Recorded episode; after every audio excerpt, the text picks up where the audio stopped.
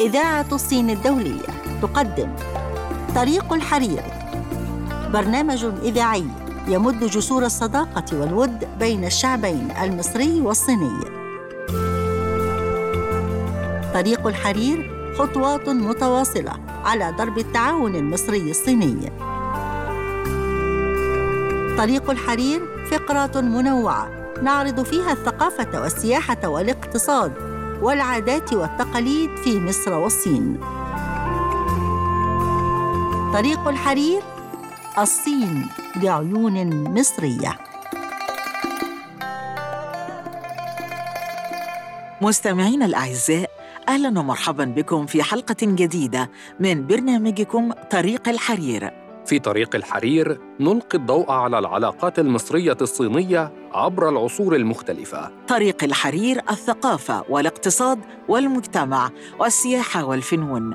جوانب ترابط لا تنتهي ومظاهر حضارية تاريخية.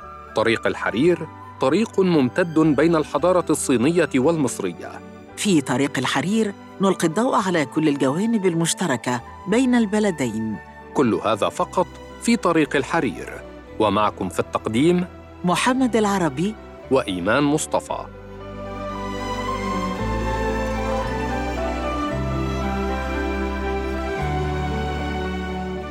والآن أعزائي المستمعين مع فقرة الصين بعيون عربية والتي نتعرف من خلالها على كيفية نطق اللغة الصينية من خلال الاستماع إلى بعض الكلمات الصينية ومعرفة معنى تلك الكلمات.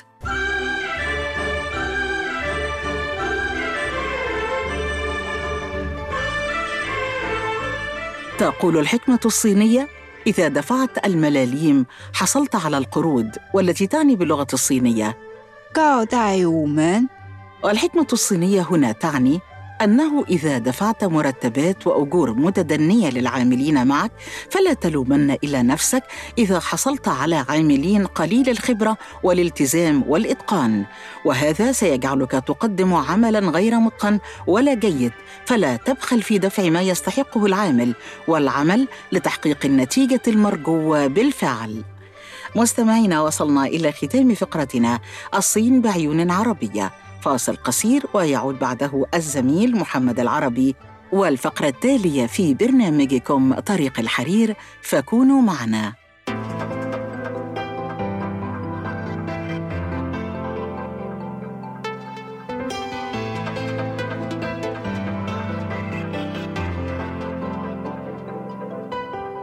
بحبك لو قريب مني بحبك لو بعد عني بحبك كل يوم أكتر كل يوم أكتر كل يوم أكتر.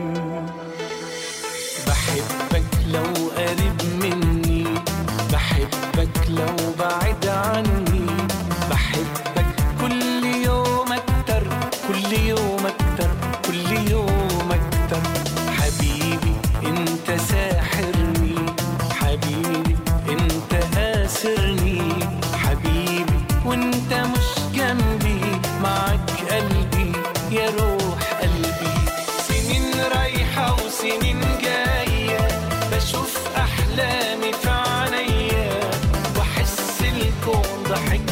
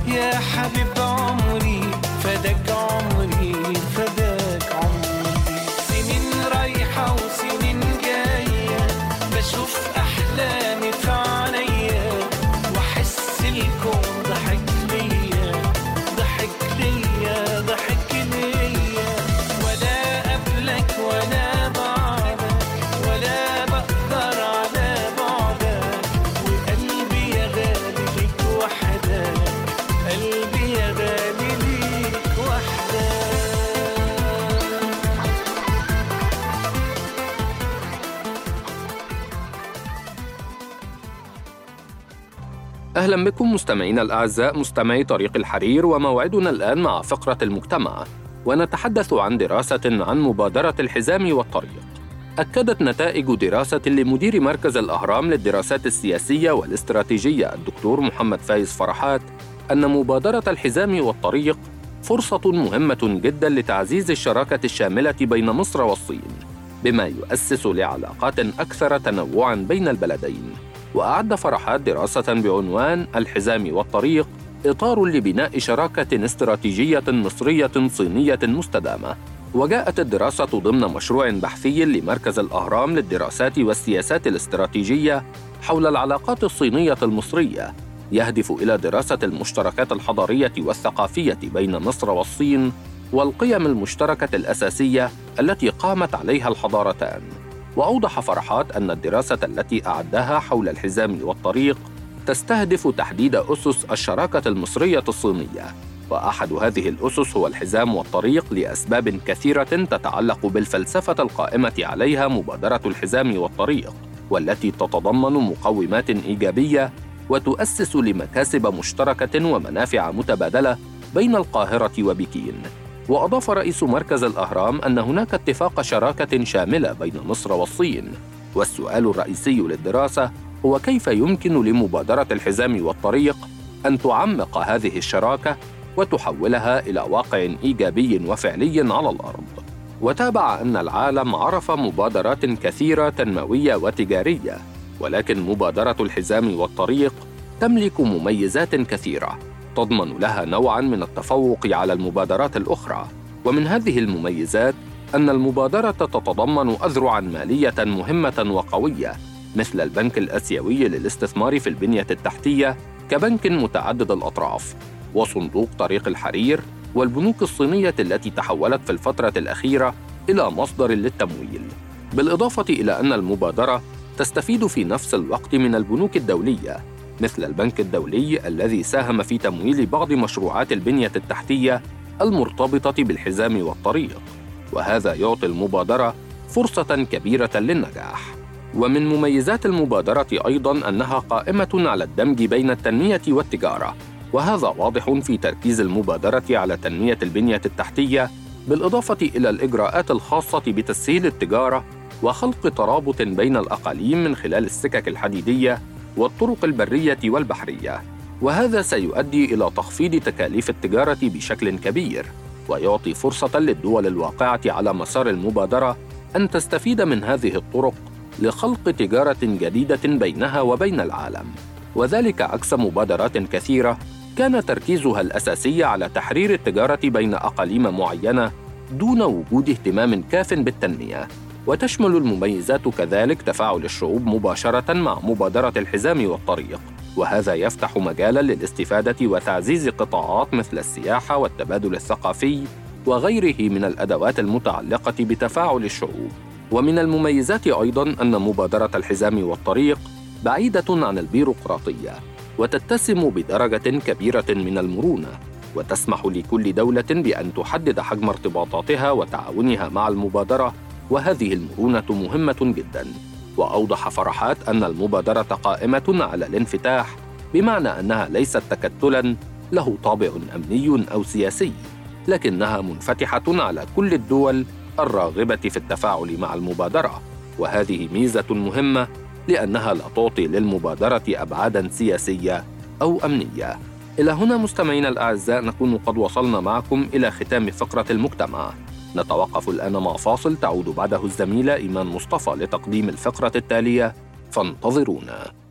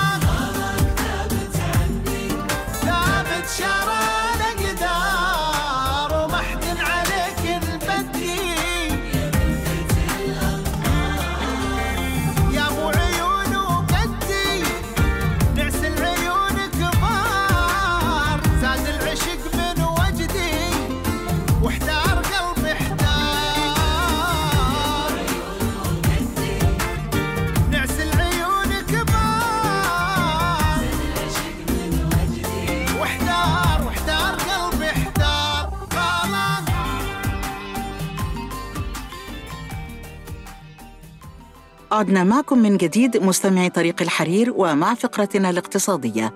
وفيها نتحدث عن تجارة بكين الخارجية تحافظ على نمو قوي. سجلت بكين نموا قويا في تجارتها الخارجية عام 2021 مما سلط الضوء على المرونة الاقتصادية القوية للعاصمة الوطنية. وفقا لجمارك بكين فقد ارتفعت قيمة إجمالي صادرات وواردات المدينة بواقع 30.6% على أساس سنوي لتصل إلى 3.4 من 100 تريليون يوان العام الماضي وقد سجل معدل النمو 9.2 نقطة مئوية ليصبح أعلى من المعدل الوطني وبشكل مفصل بلغت الواردات 2.43 تريليون يوان مما يمثل زيادة بنسبة 30.4% عن العام الماضي بينما ارتفعت الصادرات بواقع 31.2% لتسجل 611.9 مليار يوان. وفي عام 2021 كانت المنتجات الزراعية والزيت الخام والغاز الطبيعي من بين السلع الأكثر استيرادا. بينما شهدت صادرات المواد الطبية والأدوية والهواتف المحمولة ارتفاعاً. وأظهر القطاع الخاص في بكين حيويته خلال العام الماضي وزاد إجمالي حجم التجارة الخارجية التي ساهمت بها الشركات الخاصة بواقع 29% على أساس سنوي ليتجاوز 290.3 مليار يوان. وتصدرت مجموعات اختبار كوفيد 19 قائمة صادرات الشركات الخاصة في المدينة. وفي الاقتصاد أيضا مشروع رواد 2030 يهدف لتشجيع الشباب على فكرة ريادة الأعمال. قالت الدكتورة غادة خليل مدير مشروع رواد 2030 بوزارة التخطيط إن البرنامج يعتمد على المشروعات القائمة على التكنولوجيا وبها إبداعات جديدة وتحمل أفكاراً خارج الصندوق. وتابعت غادة خليل أن البرنامج يعمل على نشر فكر ريادة الأعمال بين الشباب حتى تتقلص معدلات البطالة بينهم من خلال أفكار إبداعية قائمة على معرفة المزايا التنافسية في كل محافظة واحتياجات المواطنين. وأكدت مدير مشروع رواد 2030 بوزارة التخطيط أن الوزارة تعمل على محور التعليم من أجل تطوير مهارات الشباب على عمل دراسات جدوى للمشروعات الناشئة وآليات اختبار الأفكار الجديدة. كما يتم العمل على تفعيل محور التعليم في رواد 2030 من خلال بروتوكولات لدراسة الماجستير في ريادة الأعمال وتحويل الفكرة لمشروع على الأرض ونقدم لهم تعليما جيدا مع مؤسسات مرموقة. وأشارت مدير مشروع رواد 2030 بوزارة التخطيط إلى أن مبادرة المليون ريادي هدفها رفع كفاءة مليون شاب على ريادة الأعمال بمصر. إلى هنا أعزائنا المستمعين نصل إلى ختام فقرة الاقتصاد. فاصل قصير وبعده يعود الزميل محمد العربي والفقرة التالية في برنامجكم طريق الحرير. فكونوا معنا. عم بحكي مع حالي عم شوفك بعيوني. يا أغلى من حالي شو عامل من دوني؟ عم بحكي مع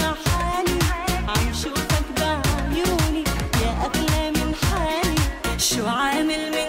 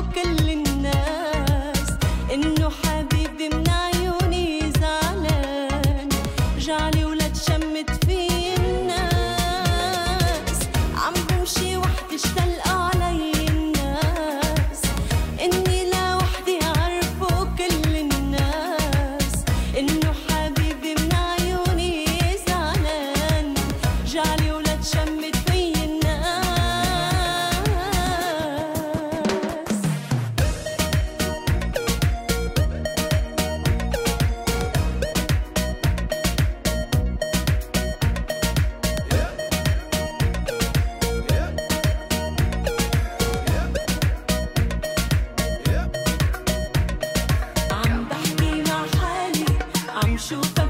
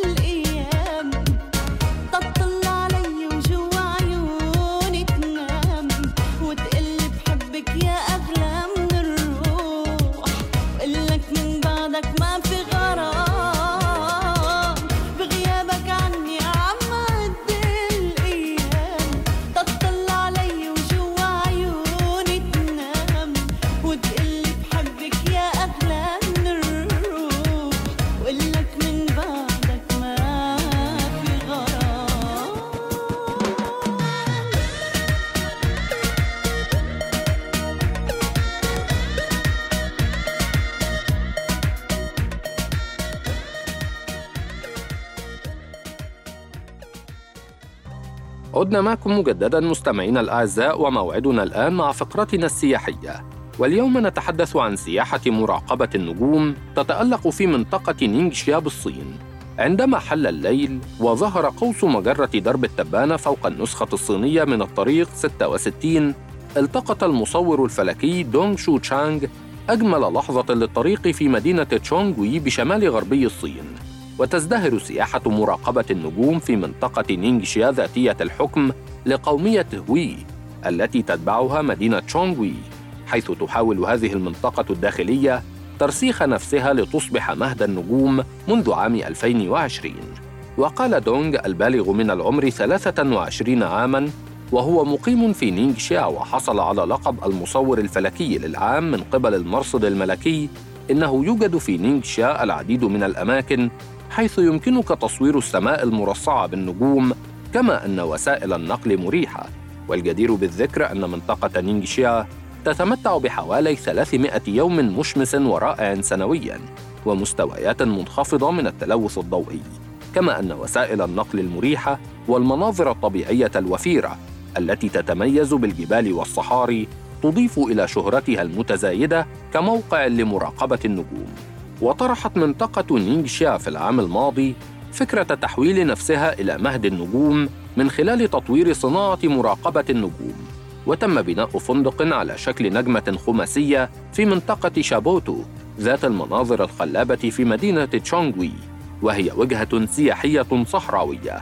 وقال ليو جيون رئيس مديرية الثقافة والسياحة في المنطقة إن السماء المرصعة بالنجوم يمكن أن تضيف ألوانا مشرقة للموارد السياحية التقليدية في المناطق الواقعة شمال غربي الصين. وفي الوقت الحالي تستكشف نينغشيا معايير المنتجات والخدمات السياحية التي تشمل الصحاري وعلم الفلك وما إلى ذلك. كما أن بناء العديد من معسكرات مراقبة السماء المرصعة بالنجوم على رأس جدول أعمالها. ومع تطور تعليم علم الفلك وصناعة الفضاء في الصين فإن هناك اهتماماً متزايداً بمراقبة النجوم بين الشعب الصيني وتشير الإحصائيات إلى أن أكثر من ثلاثين ألفاً من عشاق الفلك ومصوريه يهرعون إلى نينغشيا كل عام ولا تزال سياحة مراقبة النجوم في الصين في مراحلها الأولى وهناك ندرة في الوجهات السياحية التي تتمتع بمرافق دعم كاملة وقنوات تسويق ناضجة. لهذا السبب تخلى شويبو المصمم الفني عن وظيفته في شانغهاي وعاد إلى نينغشيا مسقط رأسه حيث أسس شركة متخصصة في مشاريع سياحة مراقبة النجوم. وقال إن سياحة مراقبة النجوم ليست رحلة بسيطة بل تم إجراء بث حي على الهواء لظواهر فلكية كبرى. كما تم نشر مقالات علمية شهيرة لإطلاع المزيد من الناس على نينغشيا ومن خلال سمائها المرصعة بالنجوم. وتمتلك الصين أساساً قوياً في علم الفلك وتقنيات الاتصال الأكثر تقدماً. وهو ما يدعم أمل شيوي في جعل نينغشيا مكاناً مثالياً لمراقب النجوم ومحبي علم الفلك في داخل الصين وخارجها. إلى هنا مستمعينا الأعزاء نكون قد وصلنا معكم إلى ختام جولتنا السياحية. نتوقف الآن مع فاصل. تعود بعده الزميلة إيمان مصطفى لتقديم الفقرة التالية. فانتظرونا.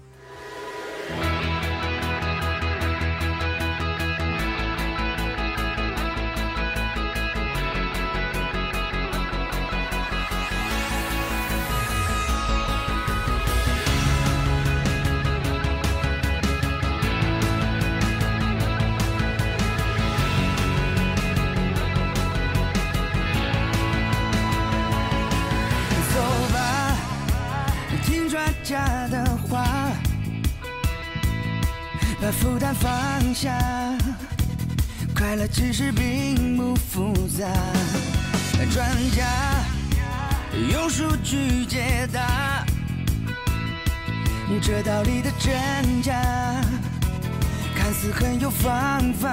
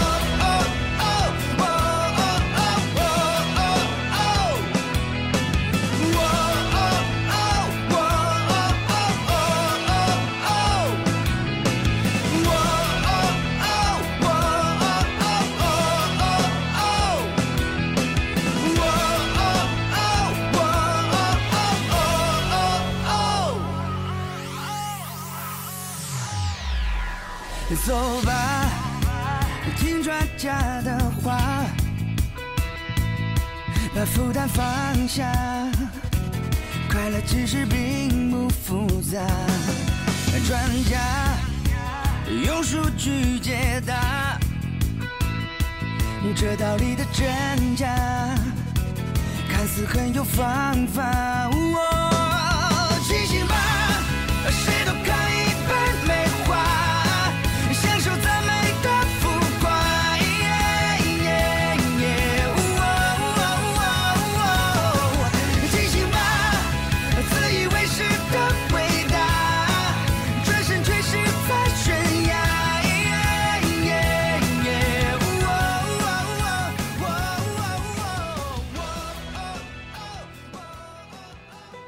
بكم مستمعي طريق الحرير ومع فقرتنا الثقافية.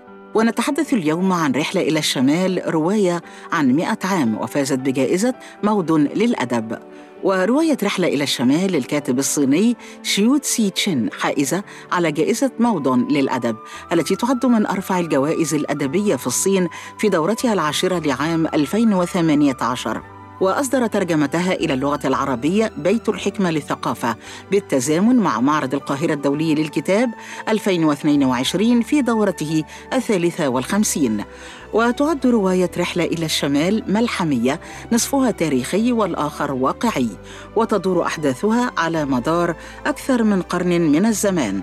فنرى أبطالها يتنقلون بين أروقة التاريخ والحاضر فنتعرف على قصص أجيال جمعتهم الصدفة في الماضي ثم جمعت أحفادهم اليوم. وفي هذه الرواية يجد القارئ نفسه أمام تيمات تجمع أبطال الرواية تتمثل في إطار البحث عن الشغف والأخوة والصداقة والحب والمصير والهوية والحياة. وتروي الرواية قصة رحلة شاب إيطالي في شوارع الصين يبحث عن شقيقه المفقود وصولا إلى أحفاد شقيقه وأحفاد مرافقيه الذين جمعتهم الصدفة بعد أكثر من مئة عام. وتعد رواية رحلة إلى الشمال هي العمل الخامس المترجم للكاتب الصيني شيو تسي تشن فمن قبل نشرت له بالعربية ثلاثية بكين وبكين بكين ويا بكين ولقاء في بكين وقصة قصيرة بعنوان أمير المغرب. وفي الثقافة أيضا نتحدث عن الأعمال الكاملة ليحيى حقي شخصية معرض الكتاب للاحتفاء بالكاتب الكبير الراحل يحيى حقي كشخصية معرض القاهرة الدولي للكتاب في دورته الثالثة والخمسين. تصدر طبعة خاصة منقحة لقصص الكاتب يحيى حقي احتفاء بأعماله التي ساهمت في نهضة الأدب وفن القص المصري والعربي. وتضم هذه الطبعة جميع أعمال الكاتب الروائية والقصصية الكاملة في مجلد واحد يحتوي على 53 قصة ورواية قصيرة كتبها حقي على امتداد أعوام طويلة.